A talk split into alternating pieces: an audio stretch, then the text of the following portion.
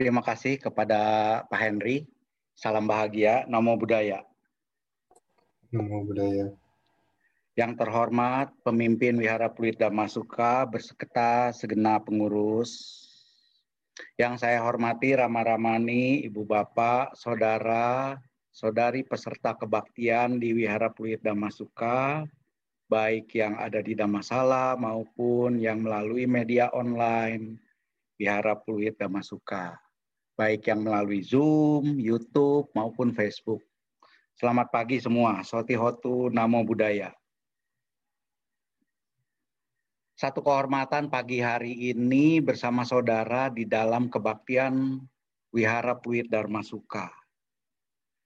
Saya secara sepintas tadi melihat beberapa peserta, mohon saya menyapanya terlebih dahulu sedikit ya beberapa orang yang saya sepintas amati atas kehadirannya Romo Yongki. Selamat pagi, Dokter Kindela. Oh ini ada Pak Ferdi Kawi ya, icebreaker nomor satu Indonesia. Terima kasih. Ada juga dari Los Angeles, Ibu Harita. Terima kasih. Ini acara yang khusus untuk meningkatkan keyakinan kita terhadap ajaran Buddha serta kebahagiaan kita bersama tentunya, saudara-saudara. Ngecas batin kita pada akhir minggu ini. Topik hari ini cukup unik, yaitu ubah nasib, ubah nama, perlukah? Nah, sebelum kita memulai, marilah kita bersama-sama mengagungkan guru kita Sang Buddha. Kita merangkapkan kedua tangan semuanya, memejamkan mata. Saya akan mengucapkan kalimat pengagungan kepada Sang Buddha. Namo tassa bhagavato arahato sama sambuddhasa. Namo tassa bhagavato arahato sama sambuddhasa. Namo tassa bhagavato arahato sama sambuddhasa. Terima kasih. Apakah suara saya cukup terdengar, uh, Pak Henry, moderator? Terdengar, Romo, terdengar. Baik, terima kasih. Hmm. Ibu, Bapak, Saudara semua, dalam topik kita kali ini, ini cukup unik sebenarnya.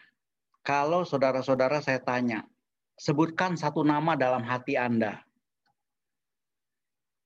Kemudian pertanyaan kedua, mengapa Anda menyebutkan nama tersebut? Tidak usah dijawab langsung ya. Nah, Adakah perasaan tertentu ketika menyebutkan nama itu? Nyaman? Tidak nyaman? Nah, saudara, nama memberikan vibrasi atas perasaan kita. Nah, apa gerangan ini? Ya, mari kita masih masuk lebih dalam lagi. Ibu, bapak, saudara-saudara, ada seseorang yang tanda petik mengartikan atau meramalkan seseorang berdasarkan namanya. Ada yang mengkombinasikan dengan teknik tertentu. Ada yang mengkonversi nama menjadi angka dan dikaitkan dengan rumus tertentu. Ada yang dikaitkan dengan tanggal lahir, ada yang dengan jam lahir dengan memakai kesepakatan arti ya. Jadi kesepakatan arti di sini kepada karakter kepribadian tertentu dari manusia pemilik nama tersebut ada juga yang mengkaitkannya dengan nasib seseorang pemilik nama itu. Dan masih banyak lagi yang menggunakan pencocokan nama dengan kehidupan sehari-hari seseorang, saudara-saudara. Ibu bapak, saudara-saudara semua, nama umumnya diberikan oleh orang tua kita ketika seseorang lahir. Betul nggak? Atau di dalam perjalanan hidup Anda memberikan nama kepada diri Anda sendiri. Dengan ganti nama misalnya. Dan dicantumkan di dalam akte atau surat lahir. Atau surat ganti nama. Tidak sedikit orang sepanjang kehidupannya melakukan berapa kali perubahan nama. Bisa juga namanya tetap sama. Tidak pernah diubah. Sementara ada orang juga yang mengubah namanya beberapa kali, banyak kali dengan alasan tertentu. Nah, dalam pandangan umum banyak yang menghubungkan nama dapat diwakili oleh nasib. Sehingga ada yang meyakini nasib bisa diubah jika nama diubah, saudara-saudara. Tentang nama ini sudah membudaya di tiap daerah, tiap budaya. Ada saja keterkaitan topik perubahan nama yang dipercayai bisa mengubah nasib. Contoh misalnya saya search ya di dalam internet sekarang mudah sekali ini untuk mencari data ya. Saya search dalam internet. Contoh Pak Soekarno. Di dalam berita yang sekarang dapat diakses melalui internet, Anda juga bisa mengetahui bahwa nama beliau sebelumnya adalah Kusno Sosro Diharjo. Terjadi perubahan nama. Konon dikatakan di situ dikaitkan dengan alasan-alasan kesehatan. Di tempat lain, orang lainnya alasan mengubah nama mungkin karena ketentuan pemerintah. Saudara-saudara dulu pada tahun 60-an ya ada ketentuan nama yang berkonotasi Tionghoa tanda petik agar diubah menjadi nama dengan konteks keindonesiaan saudara-saudara. Nah, jadi ini modelnya lain. Kalau tadi alasan kesehatan, ini ada ketentuan. Ya kan? Nah, ada juga nama yang berubah setelah menikah, saudara-saudara. Karena mengikuti nama suami. Contoh di negara tertentu, Janice misalnya, suaminya John Smith. Nah, ini namanya nama nama bohongan ya. Jadi saya contoh saja ini. Mohon maaf kalau ada yang kira-kira tiba-tiba sama. Tidak di tidak di dalam skenario saya. Mohon maaf, ini contoh. Janice, suaminya John Smith. Dalam menyebut di negara tersebut, nama Janice itu tidak nampak. Namun yang terdengar menjadi Mrs. Smith. Nyonya Smith, kan begitu. Tuh nggak? Ya. Nah, sedangkan kalau di daerah Indonesia tidak semua seperti itu.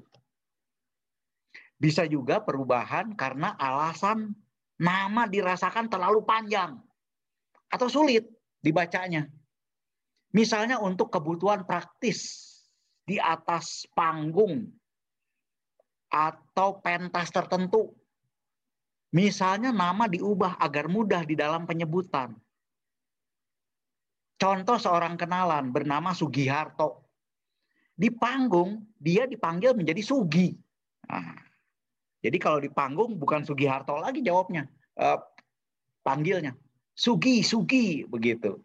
Ya, ini nama juga saya tanda petik, jadi saya sembunyikan ya. Ini pakai nama nama bohongan. Mohon maaf kalau ada yang tiba-tiba mungkin sama.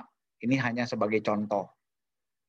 Sementara ada juga yang berubah nama lama dianggap membawa tidak hoki, tidak membawa hoki saudara-saudara. Atau sejenisnya seperti itu.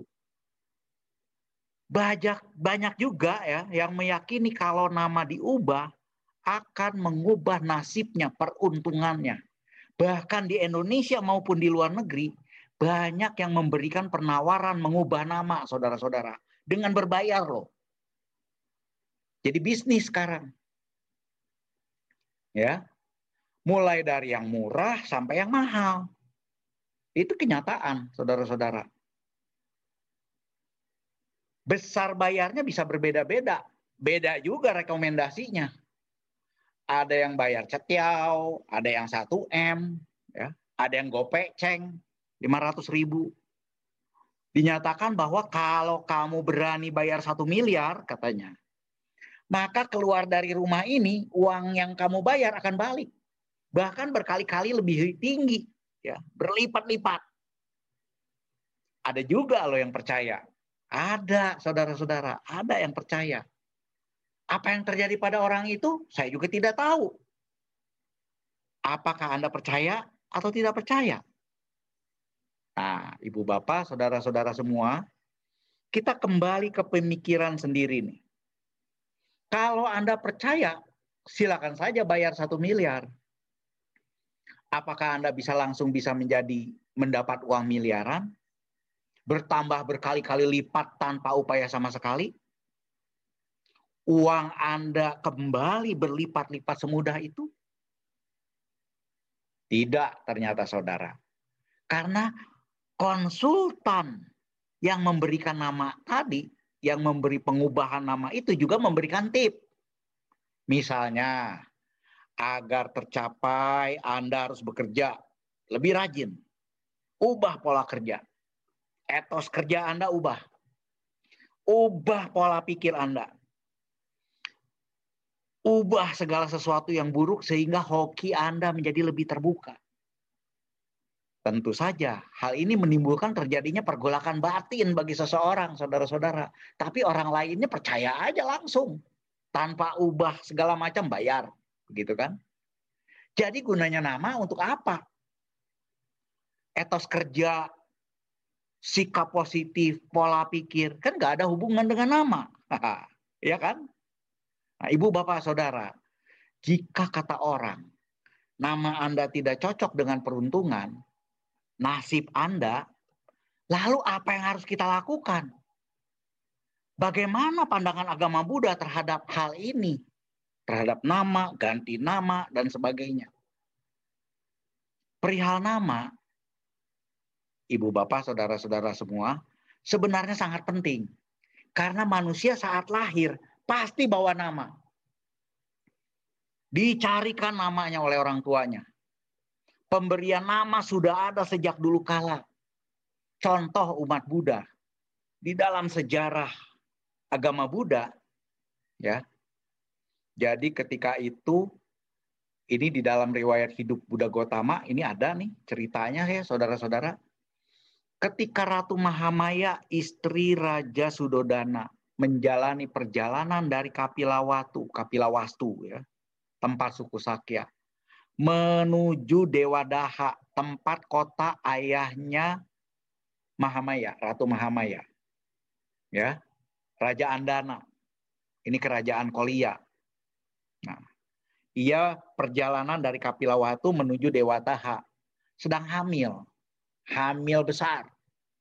Mampir di taman yang indah saat itu pohon sala sedang berbunga. Beliau bersandar di salah satu pohon sala, perutnya terasa. Nah, beliau melahirkan di sana. Jadi persalinan yang direncanakan di Dewa Daha batal, saudara-saudara. Balik kembali ke Kapilawatu. Semua gembira mendengar kelahiran pangeran. Tapi belum ada nama, saudara-saudara. Beda dengan zaman sekarang, saudara-saudara. Lahir sudah ada nama, ya kan? Saudara-saudara, sudah ada nama. Bahkan belum lahir, saat ini nih, orang belum lahir, sudah dicari namanya oleh orang tuanya. Udah tanya sana sini, benar nggak begitu? Ya kan? Nah, saudara-saudara, Ratu Mahamaya tadi kembali ke tempat kerajaan para suku Sakya di sana. Ya, pada hari kelima raja mengadakan upacara. Jadi jika ada bayi lahir ya, bayinya dibasuh, dimandikan pakai upacara saudara-saudara. Kemudian dikasih nama, diberi nama. Jadi ini kita sebut saja upacara pemberian nama. Ya. Saat itu diundanglah para ahli Brahmana, Pertapa dan sebagainya. Diundang ya. Jadi raja mengundang para ahli guru spiritual ya. Saat itu ada juga guru spiritual Asita Kela Dewala ya. Total-total guru spiritual dan para ahli saat itu ada 108 ahli. Di antara itu saudara, ada delapan Brahmana yang sakti. Terkenal ketika itu. Sakti, saudara-saudara. Mungkin jauh lebih sakti dari peramal nama yang saat ini ada ya mereka melihat tanda fisik dari pangeran pangeran belum ada nama saat itu. Tanda fisiknya sudah terlihat. Ada 32 tanda fisik manusia agung. Mahapurisa namanya.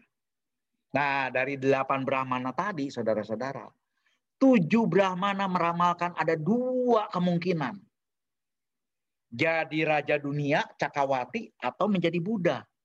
Jika mengalami peristiwa-peristiwa tertentu yang dialami langsung oleh sang pangeran.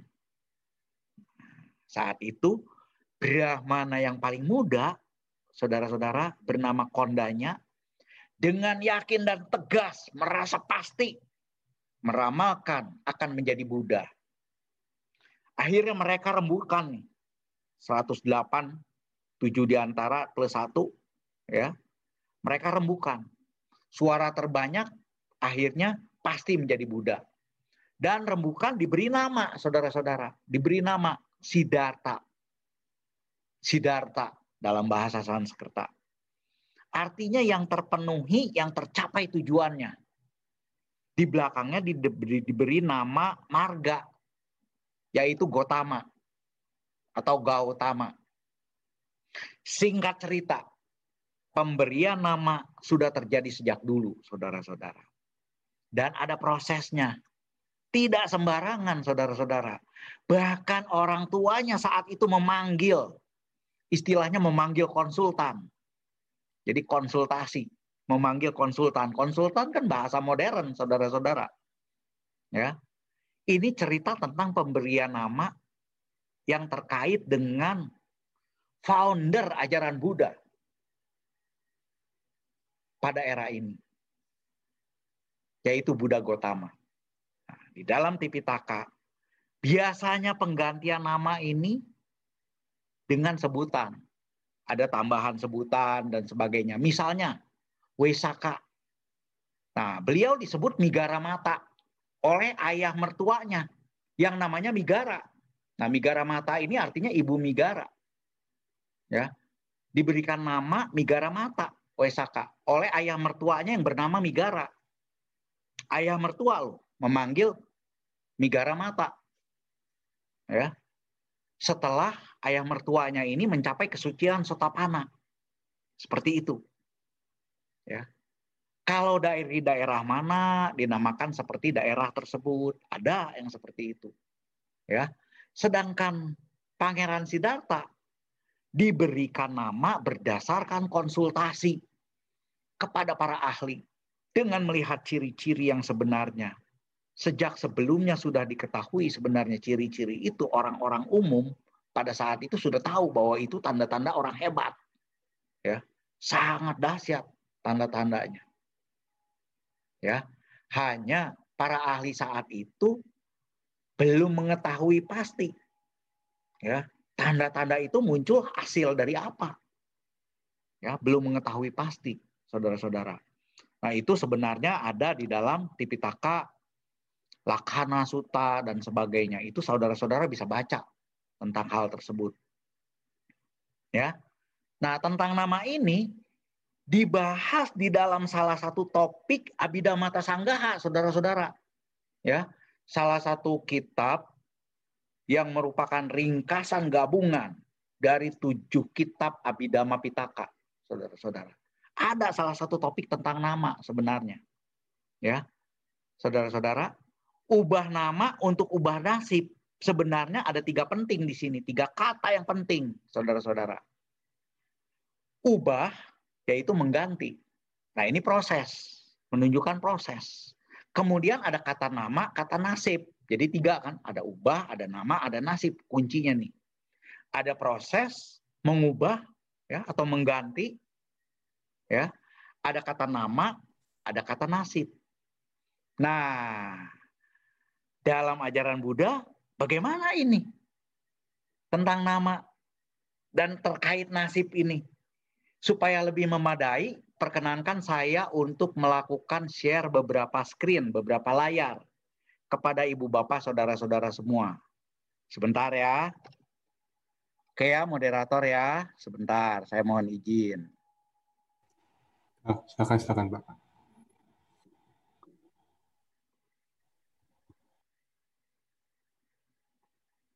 Nah, saudara-saudara, apakah screen saya sudah terlihat? Sudah, Pak. Sudah ya? Sudah, Oke. Jadi ubah nama, ubah nasib, ubah nama perlukah?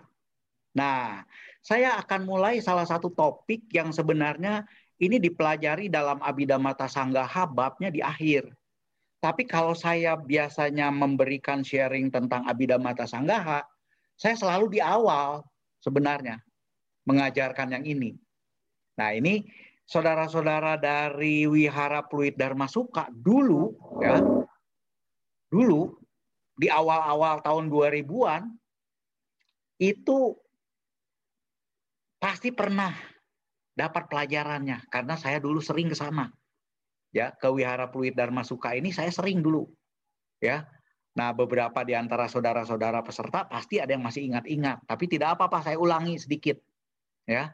Nah, di dalam pelajaran Abhidhamata Sanggaha itu ada yang namanya konsep yaitu panyati. Dalam bahasa Pali panyati. Nah, konsep terkait nama ini ada dua jenis yang sangat terkait yang perlu kita pahami dengan baik, saudara-saudara. Ya.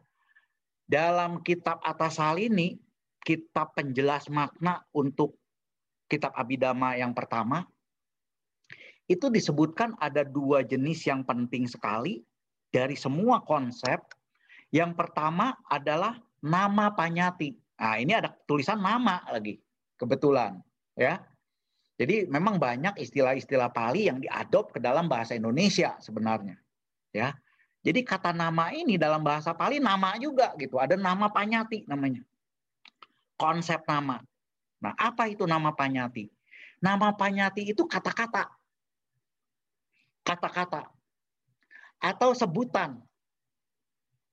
Atau nama atas sebuah objek. Misalnya, saudara-saudara. Kalau saudara-saudara punya buah mangga, ya, itu dinamakan mangga, begitu kan? Jadi kata mangga atau sebutan mangga atau nama mangga atas buah tersebut itu adalah nama panyati. Ya, nama panyati. Dari namanya saja saudara-saudara bisa langsung kalau sudah kenal langsung tahu oh mangga gitu kan. Langsung kebayang gitu kan. Ya. Jadi nama atau sebutan atau kata yang mewakili untuk suatu objek itu disebut nama panyati. Ya, jadi ini yang pertama, nama. Jadi saudara-saudara, kalau misalnya moderator namanya Henry, Henry itu adalah nama panyati, saudara-saudara. Nama panyati. Selamat Rojali, Selamat Rojali adalah nama panyati, saudara-saudara. Nama panyati. Jadi nama yang diberikan kepada saya nih, Tadi nama yang diberikan kepada saudara Henry. Ya. Nama Panyati itu namanya. Tadi saya sebutkan ada Romo Yongki. Nah, Yongki itu adalah nama Panyati, saudara-saudara. Saya sebut juga Romo Yongki gitu. Romo juga itu nama Panyati, saudara-saudara. Jadi sebutan atau nama atas objek. Kalau objeknya orang, maka atas seseorang. Oke? Paham ya nama Panyati ya? Oke. Nah, yang kedua saudara-saudara. Atha Panyati namanya. A T T H A Panyati. Nah, apa itu Atha Panyati? Atha Panyati adalah konsep konsep yang mempresentasikan, yang mewakili dari nama. Yang mewakili dari nama. Contoh yang tadi. Jadi atapanyati ini adalah uraian atau konsep yang mempresentasikan nomor satu, nama panyati. Disebut atapanyati. Contoh, mangga. Yang tadi kan mangga apa? Nama panyati. Oke. Nah, kemudian di situ disebutkan kalau kita baca, mangga adalah buah yang terbentuk dari batang. Nah, ada yang harum, ada yang manis, ada yang asam. Nah, jadi buah yang terbentuk dari batang ada yang halus, ada yang manis, ada yang asam. Rasa atau kalimat tersebut kumpulan kata-kata yang menjelaskan menjelaskan tentang nama mangga itu disebut atapanyati, saudara-saudara. Cukup paham? Paham ya? Ya. Sebagai contoh lagi saudara-saudara. Nama saya kan Selamat. Itu nama Panyati. Selamat.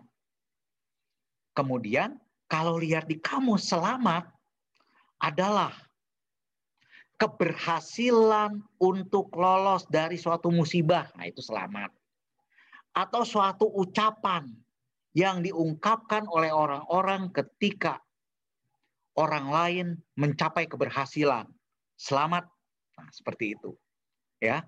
Jadi definisi penjelasan atas nama Panyati, atas nama Selamat yang tadi, ya, itu adalah Atha Panyati, saudara-saudara. Jadi saudara-saudara, ketika seseorang bilang mangga, itu kan maknanya sangat kecil ya, sedikit. Tapi ketika dijelaskan mangga adalah ada yang harum. Nah, seperti itu. Orang mulai lagi harum seperti apa ya? Kira-kira dengan penjelasan-penjelasan seperti itu, itu bisa muncul perasaan seseorang nggak? Ketika mendapat penjelasan itu. Bisa muncul, saudara-saudara. Buah yang asam. Nah, kalau disebut seperti itu, langsung kerasa seperti itu. Ada yang suka, ada yang tidak suka, betul nggak? Ya kan? Nah, jadi saudara-saudara, nama Panyati adalah konsep kata atau sebutan atau atas nama suatu objek. Ya. Atha Panyati adalah konsep yang mempresentasikan, mewakili, mendefinisikan memaknai objek saudara-saudara. Nah, saya tanya, jadi kalau saudara-saudara punya nama, misalnya namanya Henry, nah, penting nggak tuh? Sangat penting, saudara-saudara, sangat penting, ya. Seberapa jauh efeknya terhadap batin pemilik nama tersebut, saudara-saudara? Nah, saya akan kasih satu contoh ya, proses pikiran. Satu contoh, saudara-saudara. Pemaknaan atas panggilan makna, panggilan nama, saudara-saudara. Pemaknaan atas panggilan nama. Contoh, ya, contoh. Nah, kita mulai dari yang ini nih. Ada orang suaranya keluar dari mulutnya, memanggil nama seseorang. Maka orang yang dipanggil mendengar, betul nggak? Ya, jadi ada mendengar, saudara-saudara. Mendengar. Ketika setelah mendengar, maka ini langsung masuk ke ranah batin, saudara-saudara. Ke ranah batin. Ya, ketika di ranah batin itu ada persepsi, saudara-saudara. Ada persepsi. Itu kalau di dalam dhamma namanya sanya. Sanya kanda. Kalau di abhidhamma sanya cetasika, saudara-saudara. Ada persepsi. Ada persepsi ya ada persepsi. Nah, tentu saja seperti yang saudara-saudara sudah sering belajar, makhluk itu kan terdiri dari pancakanda, lima kanda. Ada batin, ada jasmani, ya kan? Dan ini lima-lima ini bareng muncul, begitu kan? Jadi kalau ada persepsi mendengar nama, ada perasaannya nggak? Ada perasaannya. Faktor batinnya ada semua, ya. Ada semua. Tapi di balik itu saudara-saudara, batin itu rupanya ya, ketika mendengar nama ini dia mapping saudara-saudara, mapping. Dilakukan pencocokan dengan database. Dengan database mirip lah saudara-saudara dalam pandemi COVID-19 ketika saudara-saudara akan divaksin ya, vaksin di Wihara Pluit Dharma Suka misalnya, kan Wihara Pluit dan Masuka salah satu center vaksin di Jakarta, ya kan? Ketika akan divaksin di situ, para petugas melihat nih di dalam komputernya, laptopnya, ya kan? Namanya siapa dipinjam KTP-nya, kemudian di search. Oh dari Dukcapil ternyata ada nama penduduk Indonesia, gitu kan? Kan ada mapping, ya kan di situ. Nah, ketika kita semua ada seseorang yang memanggil nama kita, ya itu persepsi terjadi mapping dengan database, saudara-saudara. Ada apa enggak di dalamnya? Kalau ada, saudara-saudara, ya kalau ada, kalau ada di dalam database, maka timbul respon, saudara-saudara, timbul respon. Misalnya saudara-saudara sejak kecil dipanggil nama Henry, misalnya. Kemudian ada orang yang panggil nama Henry. Henry mendengar, batin Henry, persepsinya dia melakukan mapping terhadap database dia. Ada nggak nih nama Henry? Nah, ketika ada nama Henry, batinnya merespon. Gembira, langsung nengok. Begitu kan? Ya kan? Tetapi kalau pengucapannya salah bagaimana saudara-saudara? Misalnya hand. Nah kan bingung. Ya, ada tiga orang yang namanya Henry, Hendra, dipanggil Hen, tiga-tiganya nengok. Ya kan? Henry, Hendra, Hendro. Nah. Nengok semua. Karena di dalam database-nya beliau, ya, Hen itu sudah ada. Tapi begitu disebut Henry, hanya satu yang nengok.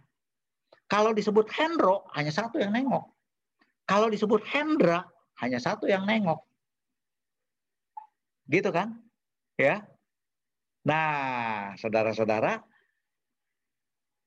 ketika dipanggil tersebut ada orang-orang tertentu, ketika dipanggil dia gembira langsung, ada respon emosi di sini. Ada respon emosi. Nah, kalau dia emosinya gembira, saudara-saudara, pengaruh nggak kepada perilaku ucapan dia, jasmani dia, pola pikir dia ketika merespon panggilan Henry misalnya. Jadi mohon maaf ya Pak Henry ya, saya sebut-sebut nggak apa-apa ya moderator ya. Ya. Apa, santai-santai. ya. Nah, apa. jadi ketika Henry disebut gembira, pengaruh nggak terhadap pola ucap? Pengaruh. Dia akan menyaut dengan gembira. Begitu kan?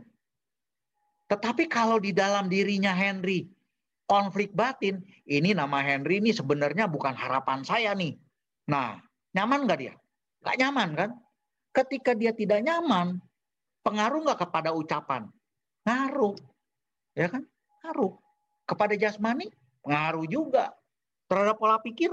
Ngaruh juga, saudara-saudara. Ya. Nah, kalau terjadi seperti itu, apakah harus ganti nama?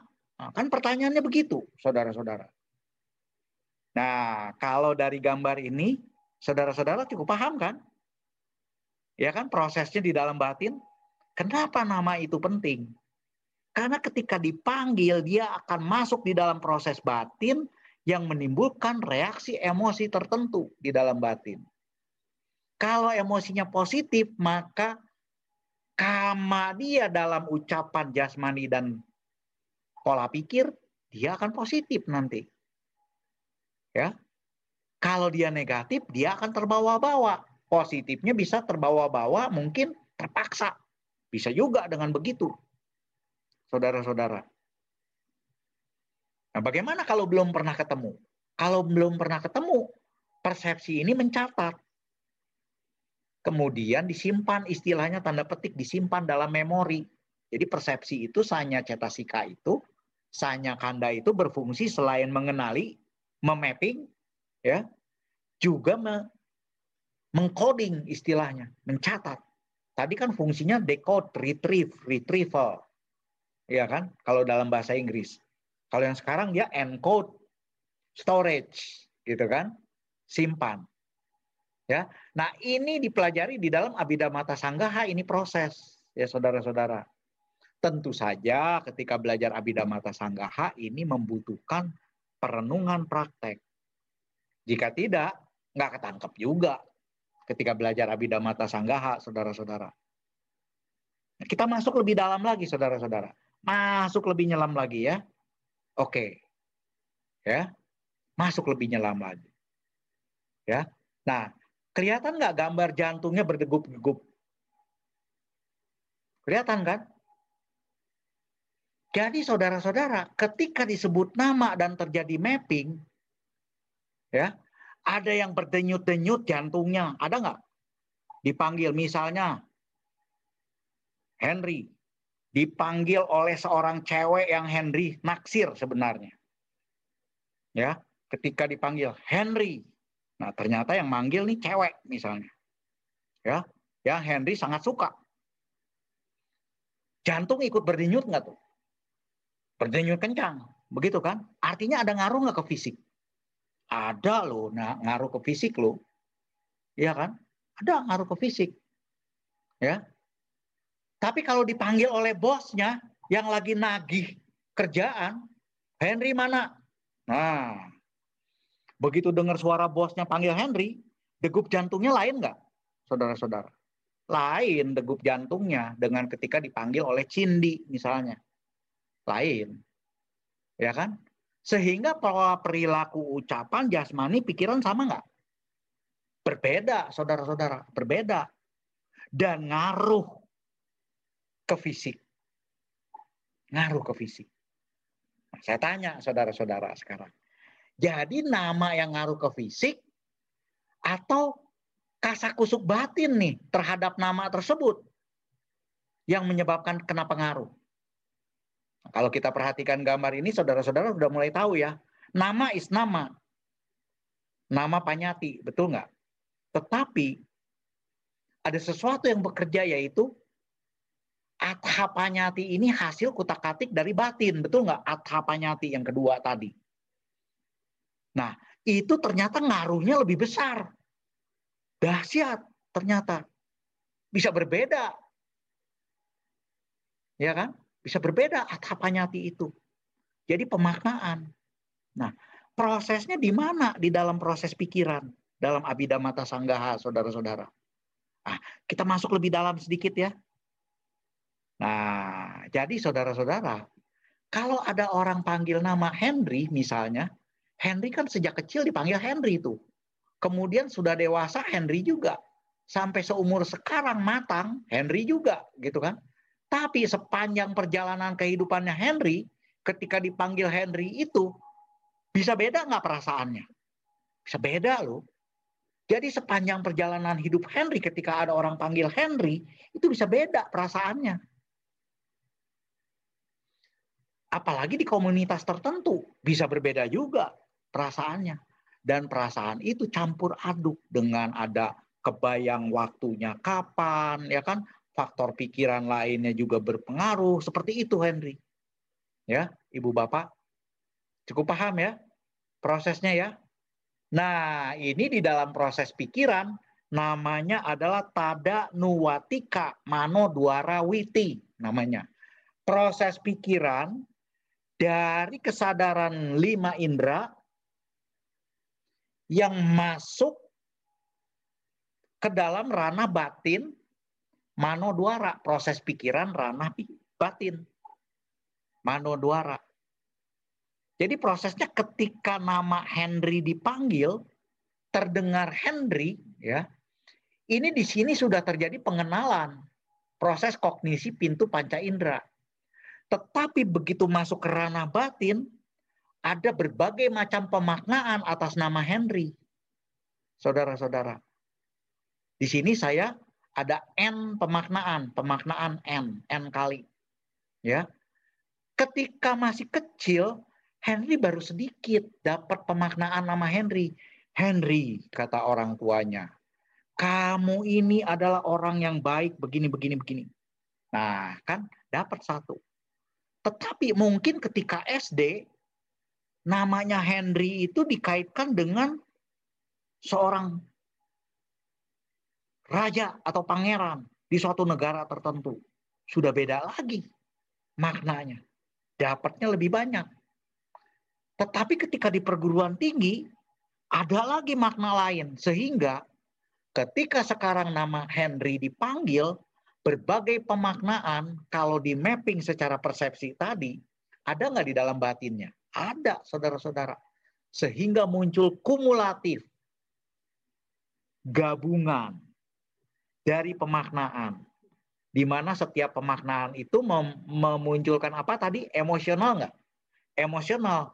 Resultan gabungan emosi dan perasaan itu, itulah yang akan muncul kepada Henry ketika dipanggil Henry.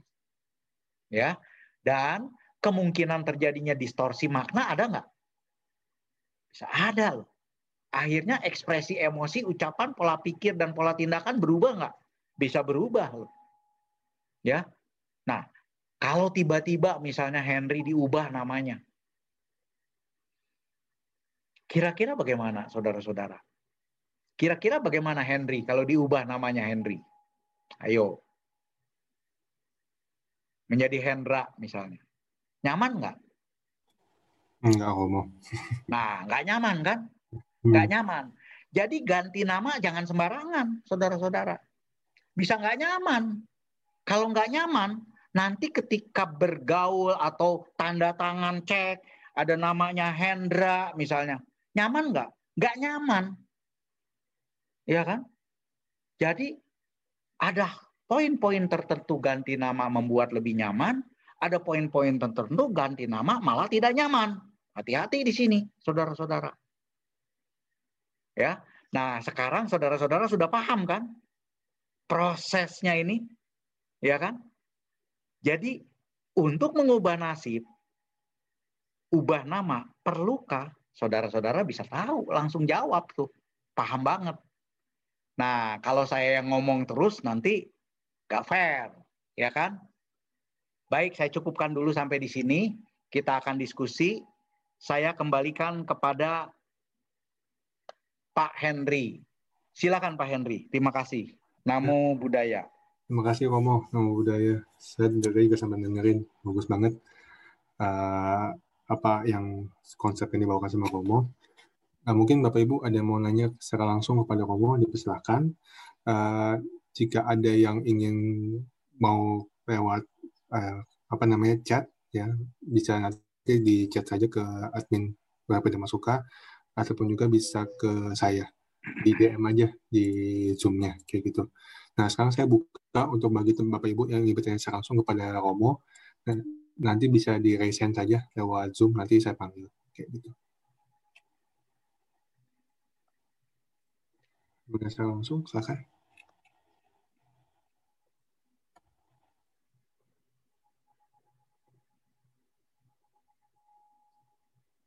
Wah, sudah ngerti semua, asik kan? Wah, ini udah tercerahkan semua, Romo. iya, jadi perlu nggak ujungnya ganti nama? Nggak perlu berarti, Romo. Nah, nggak perlu. Pertanyaannya begitu, perlu nggak? Iya sebenarnya intinya konklusinya kan perlu apa enggaknya Romo untuk untuk ya, ganti nama nah, itu saya kan. tanya ya, sekarang kepada audiens nih hmm. ada yang bilang perlu ada yang bilang tidak silakan hand kemukakan pendapatnya nah kan ini diskusi terbuka jadi nggak nggak satu arah dari Romo ya, ke Bapak Ibu boleh juga silakan bisa, bisa kalau oh, saya tanya begitu perlukah nah yang perlu raise hand yang merasa tidak perlu raise hand juga silakan kan Bapak Ibu? Jangan malu-malu. Nah, itu ada yang satu. Silakan. Nah, oh, clap ya, bukan kasan. Siapa nih yang clap? Mungkin bisa kasih pendapat. Oh, uh, si Harita. Nah, ya, silakan Harita. di spotlight untuk Ibu Harita. Oke, aku spotlight ya. Nama budaya. Selamat nama budaya, nama budaya Selamat Ibu Harita. Oke, okay, um, Ramo, saya pengen tanya, itu um, kan di, di Jawa, terutama di Jawa, kan banyak sekali itu hitung-hitungan untuk nama. Uh, apakah dengan uh, kalau di Buddhism ada nggak gituan? Kan uh, ada orang yang percaya nama itu ada kekuatannya, um, ada yang percaya nama itu terlalu keberatan sehingga harus ganti atau and so on and so on. Kalau di Buddhism itu bagaimana? Thank you. Pertanyaan yang bagus, sangat bagus. Ibu Harita dari Los Angeles ini. Ibu Bapak, saudara-saudara semua, luar biasa ya. Ibu Harita ini. Nah, di Buddhism tadi kita lihat Raja Sudodana saja dia berkonsultasi, betul nggak? ya kan, berkonsultasi untuk memberikan nama. Artinya, orang tua memikirkan nggak nama tersebut untuk anaknya? Sangat memikirkan loh. Kalau bisa yang bagus gitu kan? Iya kan? Nah, kalau bisa yang bagus, betul nggak? Nah, sementara dari si pemilik nama, dia kan given kalau masih kecil, betul nggak? Given. Mau dikasih nama apa juga dia nggak bisa apa-apa, betul nggak? Pangeran Siddhartha ketika lahir diberikan nama, mau diberikan nama apa pun dia nggak bisa nolak, betul nggak? Ya kan? Nggak bisa nolak. Ya, Artinya nama tersebut baik ataupun tidak, ya kan? Dia kan tidak tahu, betul nggak? Yang penting pada saat pertama disebut Siddhartha, gitu kan? Oke?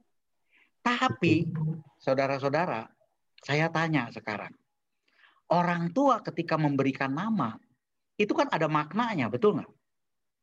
Ya kan? Artinya dalam pikiran orang tua sudah ada atapanyati belum? Sudah, ya kan? Sudah ada atapanyati, ya kan? Nah, ketika dia berdoa dan sebagainya, saya ingin tanya, apakah hanya nama atau atapanyatinya ikut? Pasti atapanyatinya ikut, betul nggak? Semoga betul. anak saya begini begini begini ya kan ya, panjang ya, dari nama panjang ya. Nah, jadi mungkin ya di zaman Sang Buddha dari 108 orang konsultan Raja Sudodana tersebut mungkin banyak ahli di sana ada yang ahli hitung-hitungan, ada yang ahli apa, ya kan? Ada yang ahli dari fisik, ada yang ahli dari wajah, ada yang ahli dari apa. Bisa terjadi nggak? Bisa, ya kan? Tetapi tidak diceritakan di dalam Tipitaka karena poinnya bukan itu sebenarnya. Tetapi pemberian nama yang bermakna, betul? Ya, dan itu diharapkan oleh orang tuanya. Nah, sekarang balik ke kita ketika kita diberikan nama oleh orang tua kita saat masih kecil kan given, betul nggak? Ketika given tersebut sudah atap panyati ada belum? Belum. Baru nama panyati. Ya kan? Nah, sepanjang kehidupan bayi, orang tuanya bilang, "Eh, selamat. Kamu ini anak yang baik, begini begini begini. Kamu selalu jauh dari bencana, begini." dalam segala kegiatan kamu selalu selamat dan sukses begitu kan ya? Nah itu atapanyati bukan? Itu atapanyati ya atapanyati nah kalau atapanyatinya bagus ya itu akan diadop juga oleh si anak menjadi bagus. Begitu ya jadi jawaban saya kepada Ibu Harita di zaman Sang Buddha para ahli itu banyak loh Bukan hanya seperti sekarang saja keahlian itu. Ya. Tetapi itu tidak dijelaskan secara gamblang dalam Tipitaka. Karena di dalam Tipitaka tidak menceritakan topik itu secara meluas, ya. Tetapi betapa pentingnya nama yang terkait dengan Athapanyati. Karena apa? Nama yang diberikan seindah apa pun, ya, sehebat apa pun hitungannya, kalau atapanyatinya tidak nyaman ketika dirasakan oleh orang pemilik nama, maka pemilik nama itu akan merasa tidak nyaman. Nah, ya, seperti itu Ibu Harita. Ya. Terima kasih Ibu Harita, semoga bagus sekali pertanyaannya. Terima kasih Bu Harita udah udah menjawab ya semoga Bu ya. Ya, yeah, thank you. Thank you. Terima Bu. Next uh, uh, Pak Slamet ada uh, Ibu Kumala Dewi. Udah Baik. dengan Ibu Kumala. Monggo. Ibu Kumala.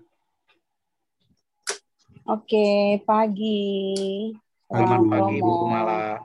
Hmm. Pagi teman-teman Sedharma. Ya, pagi Bu. Oke, jadi uh, pertama-tama saya pengen jawab pertanyaan dari Romo tadi ya.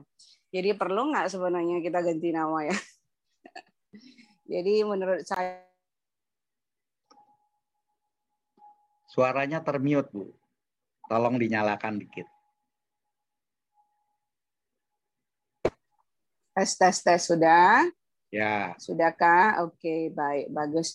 Jadi uh, sekali lagi pagi Romo, pagi teman-teman Sedharma. Jadi saya cuma pengen uh, nanggepin aja dari pertanyaan dari Romo hmm. yang sebenarnya perlu nggak kita ganti nama gitu ya. Jadi nama saya sendiri Kumala Dewi itu diberi dari kecil kan. Cuma ketika sedikit sharing aja ketika um, apa beranjak dewasa masih anak-anak tuh kan nama Chinese-nya Lin artinya uh, clear crystal atau jade gitu.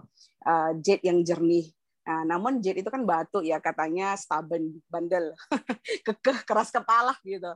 Jadi diganti sama mak gua jadi uh, tulisan Chinese-nya berubah jadi linsing nih artinya education, pendidikan gitu. Dan kebetulan saya juga guru ya jadi udah ngajar kurang lebih 18 tahun. Jadi saya rasa penting nggak pentingnya ganti nama itu tergantung dari masing-masing baik orang individunya itu sendiri ataupun dari orang tuanya itu sendiri. Yang yang paling penting itu manusianya sendiri. Jadi dia nyaman nggak gitu. Nah ada juga yang udah ganti nama malah dia nggak seperti yang Romo bilang malah jadi nggak nyaman, nggak enak, nggak nggak seru gitu kan. Jadi saya rasa semuanya bukan tergantung nama, tapi semuanya itu tergantung pada uh, mindset kita, sikap kita, perilaku kita, karakter kita, bagaimana kita jadi manusia yang lebih baik lagi. Mau apa pun namanya berlian, kalau uh, jadi batu sikap karakternya ya batu juga dia gitu. Jadi maksud saya uh, semua itu bukan tergantung nama. Mungkin nama itu bisa berarti sesuatu, tapi yang penting itu bukan arti uh, apa bahasa harfiah atau arti uh, literally bukan seperti itu, tapi dia lebih uh, penanggapan kita terhadap diri kita, bagaimana cara kita memandang kehadap diri kita itu menurut saya itu lebih penting. Mau nama saya batu, kalau tindakan saya bagus, sikap saya bagus, perilaku saya bagus, ya tetap aja saya bagus, nggak bakal batu jadi berlian gitu menurut saya. Tapi kalau nama kamu berlian, kamu membunuh, mencuri, yang kamu lakukan pikiran kamu jelek, menghasut dan sebagainya, ya udah tetap aja bukan berlian, tetap aja batu batu jelek gitu. Jadi menurut saya eh, nama mungkin uh, bisa memberikan arti secara harfiah, tapi yang paling penting menurut saya apa yang kita uh, believe gitu, apa yang kita percayai, kita yakinin, kita jadikan pegangan dalam hidup. Jadi mau berubah 10 kali, nggak diubah sama sekali, nggak penting menurut saya. jadi kembali lagi mau ganti nama, nggak ganti nama, kayaknya bukan jadi persoalan. Yang jadi persoalan menurut saya di sini mindset kita. Itu yang paling penting. Terima kasih Romo. Terima kasih Ibu Kumala. Ada yang berpendapat lain? Silakan. Silakan. Mungkin Pak Irwan ada pendapat Pak.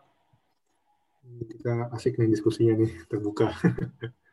Oke, selamat pagi Romo dan teman-teman semua. Ya, selamat pagi, pagi Irwan. Pak Irwan. Ya, perkenalkan saya Irwan, saya dari Pamulang. Wah. Ya. Selamat pagi Pak. Uh, ya, berkaitan dengan ngerti nama, ya sesuai dengan yang Ibu Kumala tadi bilang, ya nama itu bisa berpengaruh nggak tergantung diri kita sendiri. Nah, cuma ingin saya tanya kepada Romo,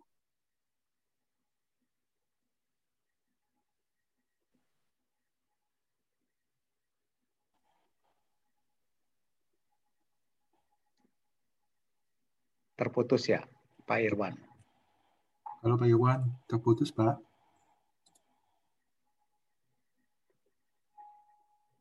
Halo ya Pak. Tiba-tiba tadi keluar kayaknya. Halo Pak, Mas, mic-nya masih mute Pak.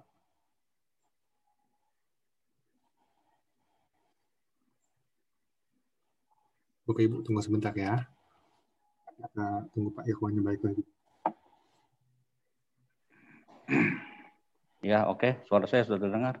Udah, udah. Udah, Pak. Silakan, Pak. Silakan, ya. Pak. Mungkin saya ingin tanyakan, Apakah mungkin dengan kita mengganti nama saja bisa merubah nasib kita? Apakah ada faktor-faktor lain yang menunjang atau mempengaruhi proses perubahan eh, dari perubahan nama itu mempengaruhi nasib kita? Misalkan kita saat ini mungkin sedang kondisi tidak baik seperti itu. Mungkin dengan nama misalnya bisa menjadi lebih baik. Kira-kira menurut Romo faktor apa yang paling mempengaruhi untuk pergantian nama tersebut menjadi kehidupan kita menjadi lebih baik? Terima kasih. Bagus, bagus sekali. Jadi uh, sekalian saya menanggapi dari yang Ibu Kumala dan Pak Irwan ya. Oke. Okay? Ya. Nah, jadi uh, yang dikatakan oleh Ibu Kumala ya, sebenarnya yang penting dari nama tersebut adalah pemaknaannya. Kalau kita memaknai dengan positif dan kita menjalankan kehidupan dengan positif, maka segala macam peluang karma baik berbuah dengan melakukan karma baik yang baru, pasti akan lebih terbuka, betul nggak? Ya kan? Jadi boleh dibilang, perlukah ganti nama? Perlu nggak perlu, betul nggak? Perlu nggak perlu. Nah, contoh misalnya, seperti yang ditanyakan Pak Irwan. Apakah perlu ganti nama supaya dapat hoki? Nah, tadi ketika di dalam uraian saya, saya jelaskan ya kan? Sebenarnya untuk hoki atau tidak hoki, ya itu kan sebenarnya karma yang berbuah, betul nggak? Ya kan? karma yang berbuah. Kalau hoki misalnya, itu artinya karma baik yang berbuah. Ya kan? Karma baik yang berbuah. Nah, kalau karma baik yang berbuah, artinya perlu ada suatu perbuatan baik nggak? Perlu ada perbuatan baik. Dan ketika ada perbuatan baik, untuk berbuahnya tersebut, itu membutuhkan kondisi-kondisi mirip misalnya pohon mangga. Pohon mangga ini sudah pas belum waktunya untuk berbuah? Oh kira-kira sudah akan berbuah nih, nggak lama lagi berbuah nih, begitu kan ya? Sudah cukup masak nih, gitu kan ya? Nah, bisa nggak dipercepat? Bisa sebenarnya dipercepat, dibantu dipercepat dengan apa? Dengan action lagi. Artinya tidak diam saja dengan nama. Pertama misalnya, kalau tidak ganti nama, kan bisa juga, betul nggak? Tetapi pemaknaan atas nama tersebut, dia ubah dalam mindset pikirannya. Oh nama ini sebenarnya bagus, begini-begini, ya kan? Atau dia lebih nyaman dipanggil pakai sebutan misalnya. Sebutannya dari nama tersebut, hand. Oh kok lebih nyaman ya pakai hand? Boleh saja, betul nggak? Nah, orang yang merasa nyaman atas namanya dan ketika dia berbisnis ataupun apa pun menggunakan nama itu dan dia merasa nyaman di situ, maka aktivitasnya akan lebih nyaman, betul nggak?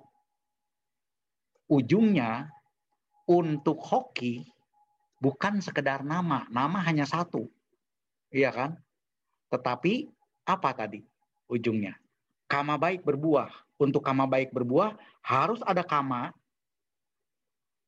juga kama sekarang harus ada langkah-langkah untuk menuju sukses. Contoh untuk menuju sukses. Punya goal. Goalnya jelas enggak? Tujuannya jelas enggak?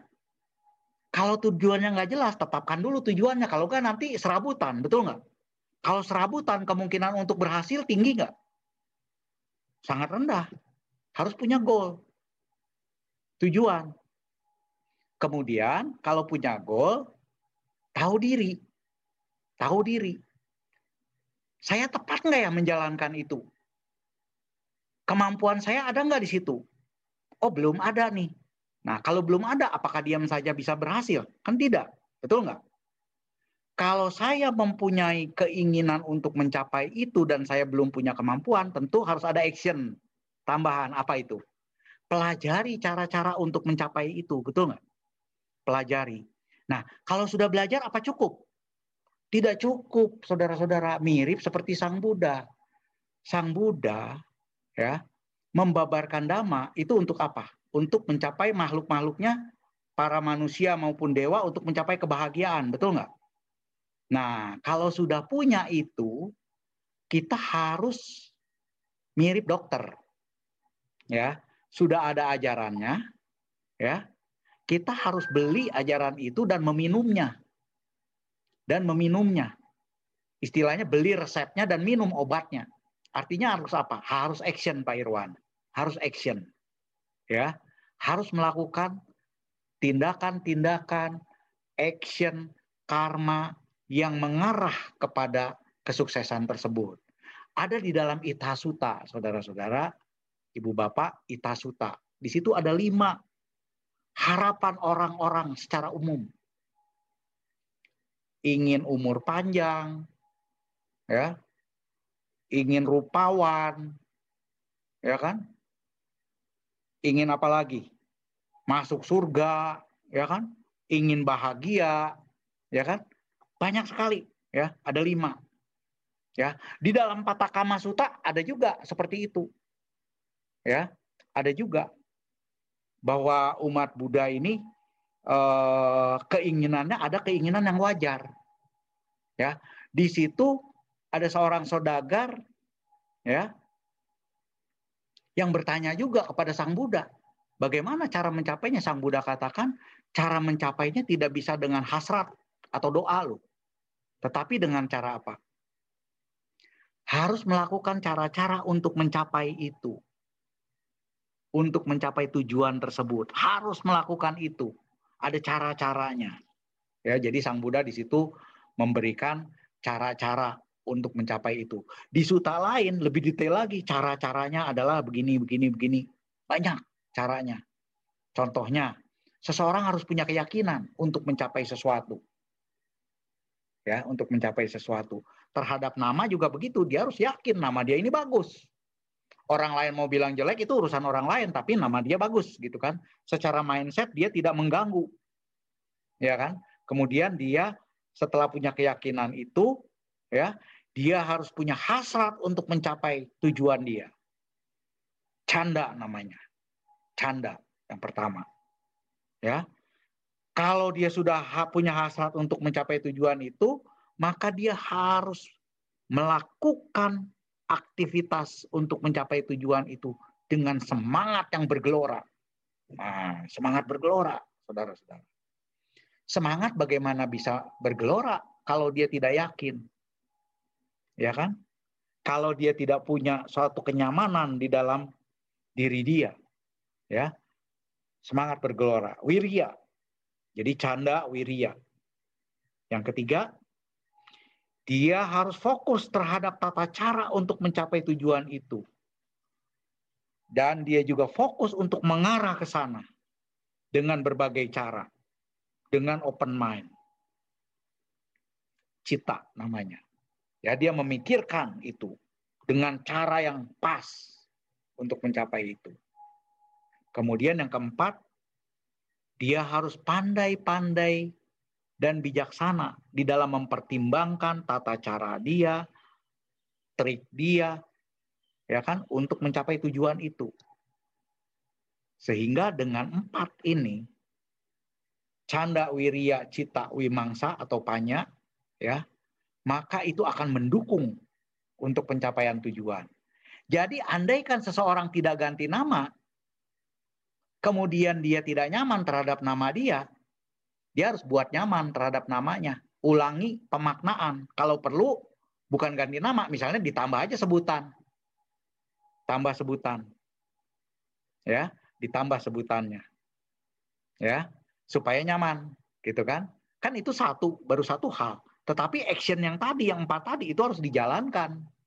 Karena segala macam perbuatan yang menimbulkan hasil harus ada perbuatannya. Tidak mungkin kita mengharapkan hasil tanpa berbuat. Ya, tanpa berbuat. Ya, harus ada perbuatannya. Kalaupun mengganti nama, maka nama yang disandang pun harus nyaman, saudara-saudara. Nama yang disandang harus nyaman ya karena kalau tidak nyaman ketika saudara-saudara nanti ketika berbisnis atau apa ditanya uh, disapa dengan nama yang barunya itu tidak nyaman maka di dalam pergaulan pun itu menjadi tidak nyaman nanti ketika orang memanggil nama saudara. Ya jadi saya kaitkan dengan apa yang dijelaskan oleh Ibu Kumala. Terima kasih Ibu Kumala. Bagus ya. Jadi penting tidak penting? Yang penting dari mindset atapanyatinya itu membuat kita nyaman sehingga kita dalam beraktivitas bagus. Nah, yang kedua terkait dengan pertanyaan Pak Irwan, ya perbuatan itu tetap harus mengikuti apa pun nama yang disandang. Action, action ini bisa melalui tiga cara, melalui pikiran, melalui ucapan, melalui tindakan jasmani. Bagus sekali. Terima kasih Pak Irwan, Ibu Kumala. Silakan Pak Henry, saya kembalikan. Ya, uh, Romo, Romo selamat. Selanjutnya ada Bu Dewi Amor. Ini ada juga lagi raise hand di chatting ini yang mau diskusi juga. Silakan Bu. Ya. Selamat pagi Romo Rojeli, salam sehat dan bahagia selalu. Juga teman-teman semua sehat dan bahagia selalu. Romo, saya mau sharing. Saya punya kenalan itu namanya sederhana Romo itu katanya namanya cuma sederhana buang. Buang itu lempar tiuji buang. Uh, saya tanya silsilahnya kenapa kok namanya? Bapak bisa namanya buang. Karena ibunya itu waktu punya anak dari satu sampai empat selalu tidak kebenaran. Gugurlah meninggal lah, sudah terbentuk baby atau selalu meninggal. Dan bapak tersebut anak yang kelima. Nah, dia cerita katanya waktu baby lahir eh, setelah dibersihin ya pokoknya diubet-ubet seolah-olah taruh di engkrak tuh loh, Romo. Terus taruh di tempat sampah, mungkin ya tidak terlalu kotor sekali saat itu sudah direncanakan ya, buang. Nah, seolah-olah itu orang tuanya yang buang, terus diambil lagi sama papahnya. Jadi mamahnya yang membuang, terus papahnya yang mengambil. Jadi seperti drama. Hidup tuh Romo, sampai sekarang usianya 60 lebih lah. Ya, kalau zaman sekarang mungkin lakcap gua itu cicap sudah bonus ya. Mungkin dia tidak memikirkan dalam hal eh, hoki dan tidaknya, cuma kala itu hanya memikirkan pengen punya anak yang selamat. Biasa aja mau nama buang. Nah, satu lagi Romo, sedangkan di kita tuh di etnis Tionghoa kebanyakan tuh ada yang nggak cocok kue pang, kue pang, kue pang, kue pang. Itu kalau di Buddhis bagaimana Romo? Terima kasih, mohon pencerahannya. Sisi. Terima kasih Bu Dewi. Selamat pagi. Nah, Ibu Dewi ini uh, Ibu Bapak ini dari Semarang ini. Jauh yeah. ini. Ya. Terima kasih Bu yeah, Dewi telah hadir yeah. di iya. sini.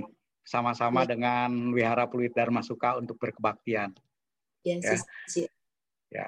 Jadi pertanyaan Ibu Dewi ini sangat penting, saudara-saudara. Jadi kalau ada pemaknaan kata-kata yang menurut umum atau menurut orang tua juga itu tidak bagus, selama diri sendiri menganggapnya is positif, ya, itu tidak apa-apa. Jadi saudara-saudara, apabila diberikan nama, rasanya itu tidak nyaman secara umum, ya kan? Dan saudara tidak ingin mengganti nama, ubah seperti yang tadi Ibu Dewi katakan. Ubah di dalam pikiran kita dengan atapanyati yang baru. Atapanyati yang baru, apa pun yang terjadi, is okay pemaknaan yang diberikan orang. Tetapi kita kan berhak memberikan makna sendiri kepada nama kita, betul nggak? Ya kan? Sehingga itu nggak ngaruh sebenarnya ya. Tapi kalau kita pikirin terus seperti tadi Bu Dewi bilang, orang tersebut tidak memikirkannya melulu yang seperti itu, ya kan? Dia memikirkan hal lain, ya. Tentu tidak berpengaruh. Tapi kalau dibawa dipikirin terus dia jadi stres. Betul nggak? Ya, seperti itu. Jadi saudara-saudara, nama yang sudah ada apabila misalnya tidak nyaman dirasakan, jadi saya sambung ke sini Bu Dewi, ya. Apabila kita merasakan nama tidak nyaman, ya, itu tidak nyaman itu karena pemaknaan kejadiannya. Nah, bisa diberikan makna ulang. Artinya apa? Diberikan makna lain. Bisa, tidak masalah. Ya. Sehingga tidak pusing dengan hal seperti itu. Oke? Ya. Nah, sekarang untuk nama-nama tertentu misalnya yang di dalam kebudayaan Tionghoa itu misalnya tidak bagus sehingga diberikan hal yang lain ya. Itu juga semua tergantung pemaknaan saudara-saudara. Semua tergantung pemaknaan. Apabila dimaknai dengan baik, itu tidak akan berpengaruh. Malah dia akan menjadi lebih bagus begitu. Jadi Ibu Dewi, pertanyaannya sangat bagus ya. Apa pun makna yang terjadi ya, itu nyaman tidak nyamannya itu tergantung dari pemaknaan. Kalau pemaknaannya tidak tidak nyaman, bisa diberikan makna baru. Dikurang atau ditambah maknanya sehingga bisa menjadi nyaman. Nah, yang kedua, atas nama yang disandang ya kan, atas nama yang disandang, kalau dia sudah nyaman dengan nama itu dengan sifat-sifat baiknya atau apa pun, ya kan? Dia lakukan kebaikan-kebaikan yang mendukung nama tersebut dia didukung ya kan ya. Artinya seperti misalnya saya nama selamat misalnya. Kan itu bagus secara umum betul nggak? Tetapi saya harus membuktikan dengan action supaya selamat. Ya toh tidak hanya tergantung nama Kan ajaran Sang Buddha, nama itu hanya sebutan, pemaknaan, ya kan?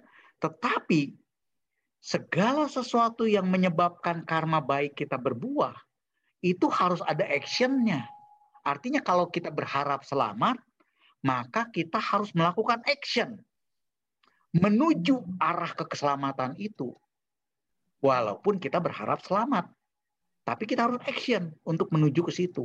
Sehingga dengan cara demikian, apa pun alangan-alangan yang menurut orang itu tidak baik, ya itu menjadi minimal. Ibaratnya seseorang itu diramal, bukan dilamar ya, tapi diramal. Diramal itu sebenarnya itu seperti ilmu statistik, saudara-saudara. Mirip orang main saham. Main saham kan ada naik turun harga saham tuh, ada trennya, begitu kan? Kemudian dibuat statistik. Kalau trennya seperti ini, nanti harga saham akan turun. Kalau trennya seperti ini, nanti harga saham akan naik, begitu kan? Artinya, peramalan itu kan berdasarkan data. Menurut data-data umum, kalau namanya ini, lahirnya di kota ini, maka tidak baik. Nah, bagaimana sikap kita terhadap kepercayaan yang seperti itu? Pertama, jangan menantang. Oke? Dengan kepercayaan seperti itu, mereka biasanya punya data. Ya kan? Kedua, kalau prediksi seperti itu adalah positif, maka kita harus buktikan itu benar. Caranya bagaimana? Lakukan action untuk mendukung ke arah yang positif itu. Oke, ya. Itu seperti yang tadi saya jelaskan. Tuh, ya. Yang ketiga, apabila prediksinya negatif, maka kita harus buktikan prediksi itu tidak benar. Caranya bagaimana? caranya. Lakukan action sehingga segala sesuatu yang memungkinkan kama buruk berbuah itu tidak mendapatkan kondisi untuk berbuah. Lakukan action yang positif. Ya toh? Ya. Nah, kalaupun dia berbuah juga yang negatif, buahnya tidak terlalu berat. Begitu kan? Ya. Jadi ujung-ujungnya apa? ujung-ujungnya kalau kita sudah given dapat nama itu ujung-ujungnya lakukan tindakan positif saudara-saudara lakukan tindakan positif demikian Bu Dewi terima ya. kasih bagus sekali selamat anu siang Romo selamat atas jawabannya salam buat Ibu Swati dan umat yang ada di Wiara Masuka Sisi. Terima kasih, terima kasih saya sampaikan. Terima kasih Bu Dewi. Ya, Sisi uh, Eko Henry. Ya, uh, Romo ada Ibu Kumala ada mau kasih pendapat lagi nih. Silakan. Silakan Bu Kumala. Hmm. Ah, ah, saya lagi cerewet banget saya ya. Gak apa-apa, enak diskusi Jadi, kayak gini. Uh, sorry, sorry Romo, cerewet banget saya.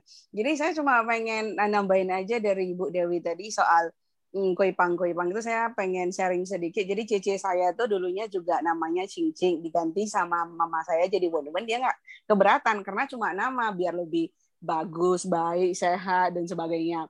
Nah, yang dia keberatan itu soal Koipang Koipang yang tadi uh, Bu Dewi bilang itu. Jadi dia itu yang ngelahirin kan mama saya tuh. Harusnya manggil mama dong ya. Tapi disuruh manggil uh, Taku, artinya bibi yang paling besar. Nah, uh, Dedek anak laki uh, apa dede cowoknya mak saya disuruh panggil papa. Nah, cici gue keberatan. Dari kecil manggil papa yang bukan papa dia, manggil mama yang bukan mama dia. Jadi mama dia sendiri nggak boleh manggil, papa dia sendiri nggak boleh papa. Jadi dia nggak nyaman dong ya, Romo nggak happy dong ya kan. Nah terakhir terakhir terakhir dia malah uh, ya masih kecil ya, mau tak mau harus dengerin orang tua dong biar aja dia anak baik. Nah setelah gede protes dia setelah remaja setelah kuliah kan udah udah bisa bicara aku nggak mau sampai nangis terakhir ujung-ujungnya sekarang dia masih manggil uh, yang bukan papa dia papa yang bukan mama dia mama tapi dia mau manggil mama saya yang ngelahirin dia mama dan papa dia sendiri papa. Dan terakhir itu tidak menjadi hal yang uh, diributkan lagi karena uh, ujung-ujungnya terakhir terakhirnya yang kita uh, peduliin adalah kebahagiaan kita hidup di dunia. Kan seperti itu Jadi bodo amat lah mau manggil uh, anti, uncle, takut, nggak penting. Terakhir-terakhirnya Cici itu mutusin dia harus manggil mama yang ngelahirin dia itu mama. Dan papa dia sendiri papa. Jadi saya rasa uh, kadang kita Chinese kebanyakan ya. Ganti nama ini itu koi pangdando bikin pusing deh aku sebagai Chinese saja pusing gitu. Saya asli Chinese Medan dan banyak sekali yang uh, aneh-aneh gitu. Yang menurut saya saya Buddhis ya. Saya Buddhis guru agama Buddha juga. Jadi saya rasa itu nggak penting banget terus terang uh, Romo. Uh, yang paling penting itu saya sependapat dengan Romo apa yang kita pikirkan, ucapkan dan buat itu harus baik. Itu itu yang paling utama. Yang lain mau namanya jelek, uh, mau namanya nggak bagus ya nggak apa-apa. Yang penting pikiran, ucapan, perbuatan bagus, hasilnya pasti bagus. Seperti itu. Thank you, ya. Romo. Ya, terima kasih Bu Kumala. Bagus sekali ya. Ibu Bapak, saudara-saudara semua. Ya, Nah, di dalam kita hidup di dunia ini, kita kan hidup tidak sendiri. Betul nggak? Ya kan? Apalagi itu dengan orang tua. Ya kan? Apalagi dengan orang tua. Nah, ada kesepakatan-kesepakatan yang biasanya orang tua inginkan. Ya kan? Ya. Dengan objektif kebahagiaan bersama, ya. Kesepakatan itu diambil komprominya seperti apa? Jadi jangan stubborn juga itu. Ya kan kalau stubborn juga itu bisa konflik nanti, bisa konflik. Ya kan? Jadi jangan keras kepala juga. Ya. Jadi dalam hal yang seperti itu lakukan yang terbaik yang bisa mengarah ke kebahagiaan yang lebih luas dibandingkan hanya ke kebahagiaan sendiri. Di mana orang lain nanti uh, bisa terpengaruh dalam hal itu. Ya, ya beruntung setelah dewasa kan itu kan setelah saat-saat ini tadi semuanya sudah berjalan dengan baik, ya kan? Ya, akan lebih baik lagi sebenarnya kalau dari dulu-dulu, begitu kan? Ya. Jadi kalau ada saudara-saudara mengalami hal yang serupa, ya, ingat tujuan utamanya. Orang tua juga tujuan utamanya sebenarnya untuk kebahagiaan anaknya. Tidak jelek sebenarnya. Ya. Dan kita pun tidak bisa langsung mengcounter kebudayaan dari orang tua kita untuk diganti. Tidak bisa juga. Tidak bisa juga. Ya kan? Nah, seperti itu. Ya contoh misalnya patidana, misalnya. Contoh, ini contoh ya, patidana. Ini contoh yang lain hanya untuk membongkar paradigma. Patidana. Banyak nggak sekarang orang patidana masih bakar uang-uangan dan sebagainya? Di keluarganya? Banyak kan? Mungkin di antara saudara sendiri ada. Tapi banyak nggak yang keturunannya tidak mau? Dengan berpikiran ngapain buang-buang uang? Di sana juga nggak ada bank. Begitu kan? Betul nggak? Iya kan? Nah, sekarang saya tanya. Kalau orang tuanya almarhum, almarhum itu meninggal dunia dengan budaya yang seperti itu, mereka mengetahui yang di dunia ini kalau melakukan yang seperti itu itu seolah-olah dalam pikiran mereka ini anak uhau. Anak berbakti. Nah, kira-kira kalau anak berbakti itu melakukan pembakaran yang seperti itu menurut almarhum, dia berbuat baik nggak keturunannya itu? Berbuat baik kan? Bisa timbul pikiran baik nggak di almarhum? Bisa kan? Nah, ketika almarhum itu berpikiran baik, ya kan? Atas perbuatan anaknya ini yang bakar-bakaran tersebut, ya, itu bisa menolong kehidupannya di sana loh. Bisa loh. Sementara orang yang berpikiran sangat logik, ya kan, sangat logik, ngapain yang begitu? Nggak ada hubungannya di sana, nggak ada bank, kan begitu? Logik kan? Logik dalam arti secara logik benar nggak? Secara logik is okay, iya kan? Is okay. Tetapi pandangan almarhum gimana pada saat itu? Wah, anak gue ini nggak berbakti, nggak mau ikutin kata orang tua katanya. Seperti itu. Bisa timbul konflik nggak tuh? Timbul konflik, saudara-saudara. Nah, jadi urusan yang seperti tadi, ingat objektif besarnya untuk kebahagiaan bersama.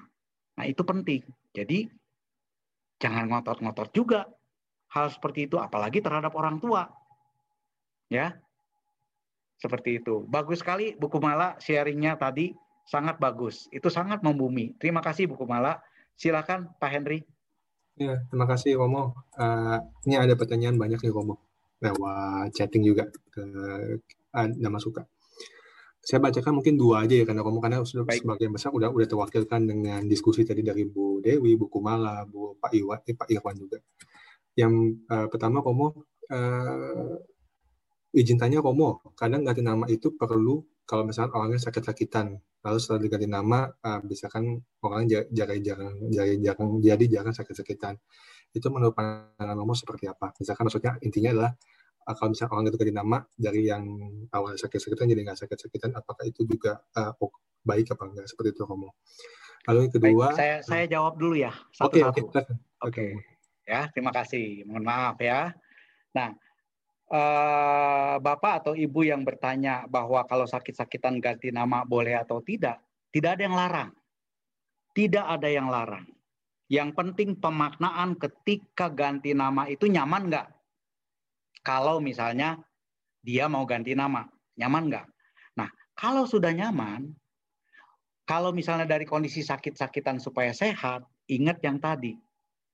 Ya, ingat yang tadi bahwa kita harus mendukung segala tindakan kita, kondisi kita untuk mencapai tidak sakit. Seperti itu. Jangan nantang. Udah ganti nama, nantang. Saya sakti nih. Sudah ganti nama, tidak akan sakit. Masuk ke daerah COVID-19. Nah, itu nantang namanya. Mau nama sebagus apa pun, seperti itu. Bisa kena penyakit loh. Ya kan? Jadi ganti nama tidak ada yang larang tidak ada yang larang. Ya, tidak ada yang larang. Saya juga tidak melarang kok, ya kan? Tetapi yang penting ketika ganti nama dia nyaman terhadap nama tersebut. Kedua, kalau ganti nama itu ada tujuannya untuk apa? Maka dia harus melakukan action untuk mencapai tujuan itu. Ya, bagus sekali. Terima kasih. Silakan Pak Henry pertanyaan berikutnya. Ya, Uh, semoga sudah menjawab ya pertanyaan dari uh, Ibu ini. Yang kedua, uh, Romo nama budaya. Bagaimana kalau sekarang ada tambahan nama Buddhis setelah kita upasaka atau upasika? Jadi kita punya tiga nama Chinese, Indonesia, Buddhis. Mana akan mana akan digunakan saat tindakan yang tepat? Bagus sekali pertanyaannya. Nah, Ibu Bapak, ini kan tren umat Buddha kalau misalnya di Wisudi, ya kan, itu dapat nama uh, nama Buddhis, betul nggak? Ya kan? Nah, pertanyaannya nama Buddhis itu ingin dipakai di akte atau tidak itu tergantung, ya kan? Sebenarnya tidak di akte juga tidak apa-apa, ya tidak apa-apa. Nah, pertanyaannya nyaman nggak dengan nama itu? Nyaman nggak? Kalau nyaman, very good, ya. Nah, itu perlu ditanya biasanya kepada yang memberi nama para biku di dalam memberikan nama, beliau pun mencari tahu dulu. Biasanya ya, tanda petik, biasanya mencari tahu dulu. Ini misalnya nih, Pak Henry di Wisudi akan diberi nama Buddhis misalnya, ya kan? Nah, Bante itu biasanya dia mempertimbangkan nama apa yang cocok. Mirip lah seperti orang tua memberikan nama ya kan? Nama apa yang cocok? Bisa saja nama itu sesuai dengan sifat-sifat dari orang tersebut, sifat baiknya, ya kan? Bisa juga nama tersebut melambangkan sifat baik yang diharapkan akan terjadi pada orang tersebut. Ya kan? Bisa seperti itu. Ya. Nah, jadi mereka yang bernama Buddhis ketika wisudi boleh menanyakan kepada yang memberikan nama itu ya maknanya apa supaya pemaknaannya meresap ya kan supaya pemaknaannya meresap nah akan lebih bagus lagi sebenarnya kalau diskusi dengan yang akan memberikan nama sebelum diberi nama diskusi dulu Weh Bante nanti kira-kira misalnya nama saya apa ya? Oh ini maknanya apa ya? Nah ini bisa bisa trade in nama namanya bisa apa? Bisa bisa diskusi tentang nama yang cocok apa begitu boleh itu tidak dilarang tidak dilarang ya tapi yang mana itu akan digunakan di akte ataupun bukan ya kalau menurut saya itu tidak ada larangan. Ya, tidak ada larangan. Ya, tidak ada larangan. Namun untuk memudahkan konsistensi biasanya mengikuti apa yang tertera di surat yang sudah sah, yang misalnya di ijazahnya apa, ya kan, itu selalu dipakai, ya kan. Nanti kan aneh kalau misalnya ijazahnya A, tapi nanti berubah namanya, sehingga nanti butuh surat-surat lanjutan, biasanya seperti itu, ya. Ya, bagus sekali pertanyaannya. Terima kasih. Jadi tidak ada kewajiban, ya jawabannya. Silakan, Pak Henry. Ya, semoga menjawab ya uh, atas pertanyaan yang diberikan. Romo, ini pertanyaan terakhir untuk diskusi juga di hari ini. Uh, uh, dari Pak Diki bertanya, bagaimana Romo, bagaimana jika uh, pertimbangan tersebut untuk nama perusahaan atau brand, brand produk? Tadi kan kita diskusikan lebih ke arah untuk individu pribadi kita kan orang. Nah ini mungkin lebih lebih agak sedikit berbeda untuk bagaimana untuk untuk bisnis ataupun brand brand produk. Terima kasih Romo. Baik, terima kasih. Bagus sekali ya. Nah, Ibu Bapak, Saudara-saudara semua, untuk brand produk atau nama bisnis dan sebagainya, ya, ada beberapa hal di dalam teknik-teknik mempengaruhi orang. Ya. Nah, istilahnya ketika produk kita dijual, ya kan? Kan pertama orang kan belum tahu apa nyati makna dari produk tersebut misalnya. Belum tahu, betul nggak? Tetapi dia ingin tahu sebutannya dulu kan? Ya kan? Nah, di sini kata-kata untuk menyebut suatu produk itu, nama produk itu, yang pertama, ya, yang pertama, ya, itu harus dipikirkan kata-kata yang simple, eye catching, ya, sehingga orang begitu dengar nama itu, ya, langsung mudah nempel, ya, mudah nempel. Mirip dengan waktu dulu, waktu dulu ketika air kemasan dimulai, itu kan dimulai dengan aqua ya. Ini saya bukan iklan aqua ya. Tetapi sekarang apa pun namanya orang bilangnya aqua, betul nggak? Artinya brand itu simple, eye catching, mudah bagi orang. Kalau perlu menggunakan kata-kata yang dipergunakan oleh komunitas itu. Makanya perlu tahu komunitas. Mau dijual ke mana ini produk? Komunitasnya komunitas apa? Harus tahu komunitas. Ya, harus tahu komunitas. Oke? Ya. Nah, kalau sudah tahu komunitas, namanya sudah ada, ingat ketika produk ini di launching itu harus ada penjelasannya. Penjelasan ini adalah atapanyati. Atapanyati. Nah, penjelasannya, atapanyatinya itu yang menggiring ke arah yang positif dan mengarahkan sehingga orang tergerak untuk membeli produk itu. Atapanyati. Nah, atapanyati ini bisa berbagai cara. Bisa dengan gambar, bisa dengan definisi, bisa dengan kata-kata, bisa dengan intonasi ketika diucapkan. Ya. Nah, di sini kebetulan tadi saya lihat ada saudara Ferdi Kawi itu. Ya. Mereka bergerak di bidang itu tuh ya untuk memotivasi dan sebagainya mempengaruhi orang dan sebagainya ya. Itu perlu dipelajari memang ya. Karena orang buka perusahaan dan jual produk kan nggak semuanya dia ahli betul nggak? Perlu konsultasi boleh. Tetapi idenya tetap harus ada. Atapanyati atapanyati makna dari produk ini kegunaan produk ini apa? Itu perlu ya. Sehingga ketika mengemas nama Nama itu bisa merepresentasikan atapanyatinya. Dan bisa merepresentasikan daya pengaruhnya terhadap calon yang akan membeli produk itu. Ya, pertanyaan yang sangat bagus sekali. Semoga jawaban saya memadai. Terima kasih. Oke, uh, terima kasih uh, Romo untuk penjelasannya. Semoga juga menjawab pertanyaan dari Pak Diki tadi ya untuk yang terkait uh, diskusi dengan produk. Oke, uh, kita udah jam 10.48. Uh, kita akan uh, kita tutup diskusi pada pagi hari ini. Semoga bisa men, apa bisa memberikan gambaran yang lebih baik bagi Bapak Ibu semua terkait uh, tema yang dibahas oleh Romo selama kerja hari. Mungkin Romo ada last statement di diskusi pagi ini. Silahkan Romo. Baik, terima kasih Ibu Bapak, Saudara-saudara semua. Jadi kembali kita kepada eh, nama, mengubah nasib, mengubah nama perlukah, ya kan? Nah ini jawabannya kalau tidak dirasakan perlu ya jangan, ya kan? Jangan kalau tidak dirasakan perlu. Yang terpenting dari nama adalah pemaknaannya. Kalau pemaknaannya sudah nyaman, ya ngapain ganti nama, ya kan? Dan kalaupun mau ganti, mungkin bukan ganti sifatnya, ditambah aja ada kata sebutan misalnya. Sebutannya apa misalnya, ya kan? Ditambahkan sehingga terjadi suatu kenyamanan, ya seperti itu. Satu hal lagi, nasib itu bisa berubah, ya apabila ada suatu action. Action yang menuju ke arah objektif atau tujuan dari nasib itu apa. Setiap orang kan yang disebut nasib beda-beda. Ada yang objektifnya tujuannya untuk sehat, ada yang untuk karir, ada yang untuk eksis di masyarakat misalnya ya.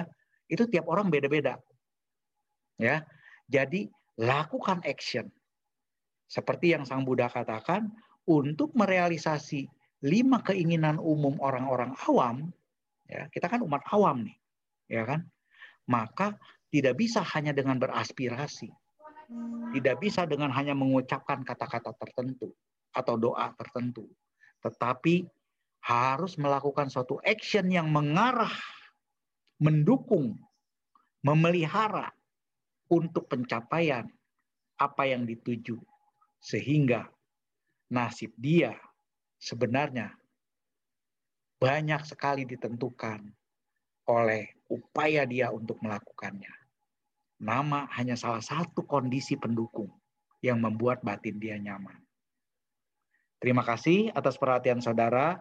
Semoga apa yang kita bahas pada hari ini, hari ini dapat menambah wawasan kita sama-sama sehingga kita memiliki keyakinan yang lebih teguh kepada Buddha Dhamma dan dapat melaksanakan kehidupan sehari-hari untuk mengubah nasib kita dengan lebih baik sehingga dapat tercapai dengan lebih mudah. Semoga semua makhluk berbahagia. Sadu, sadu, sadu.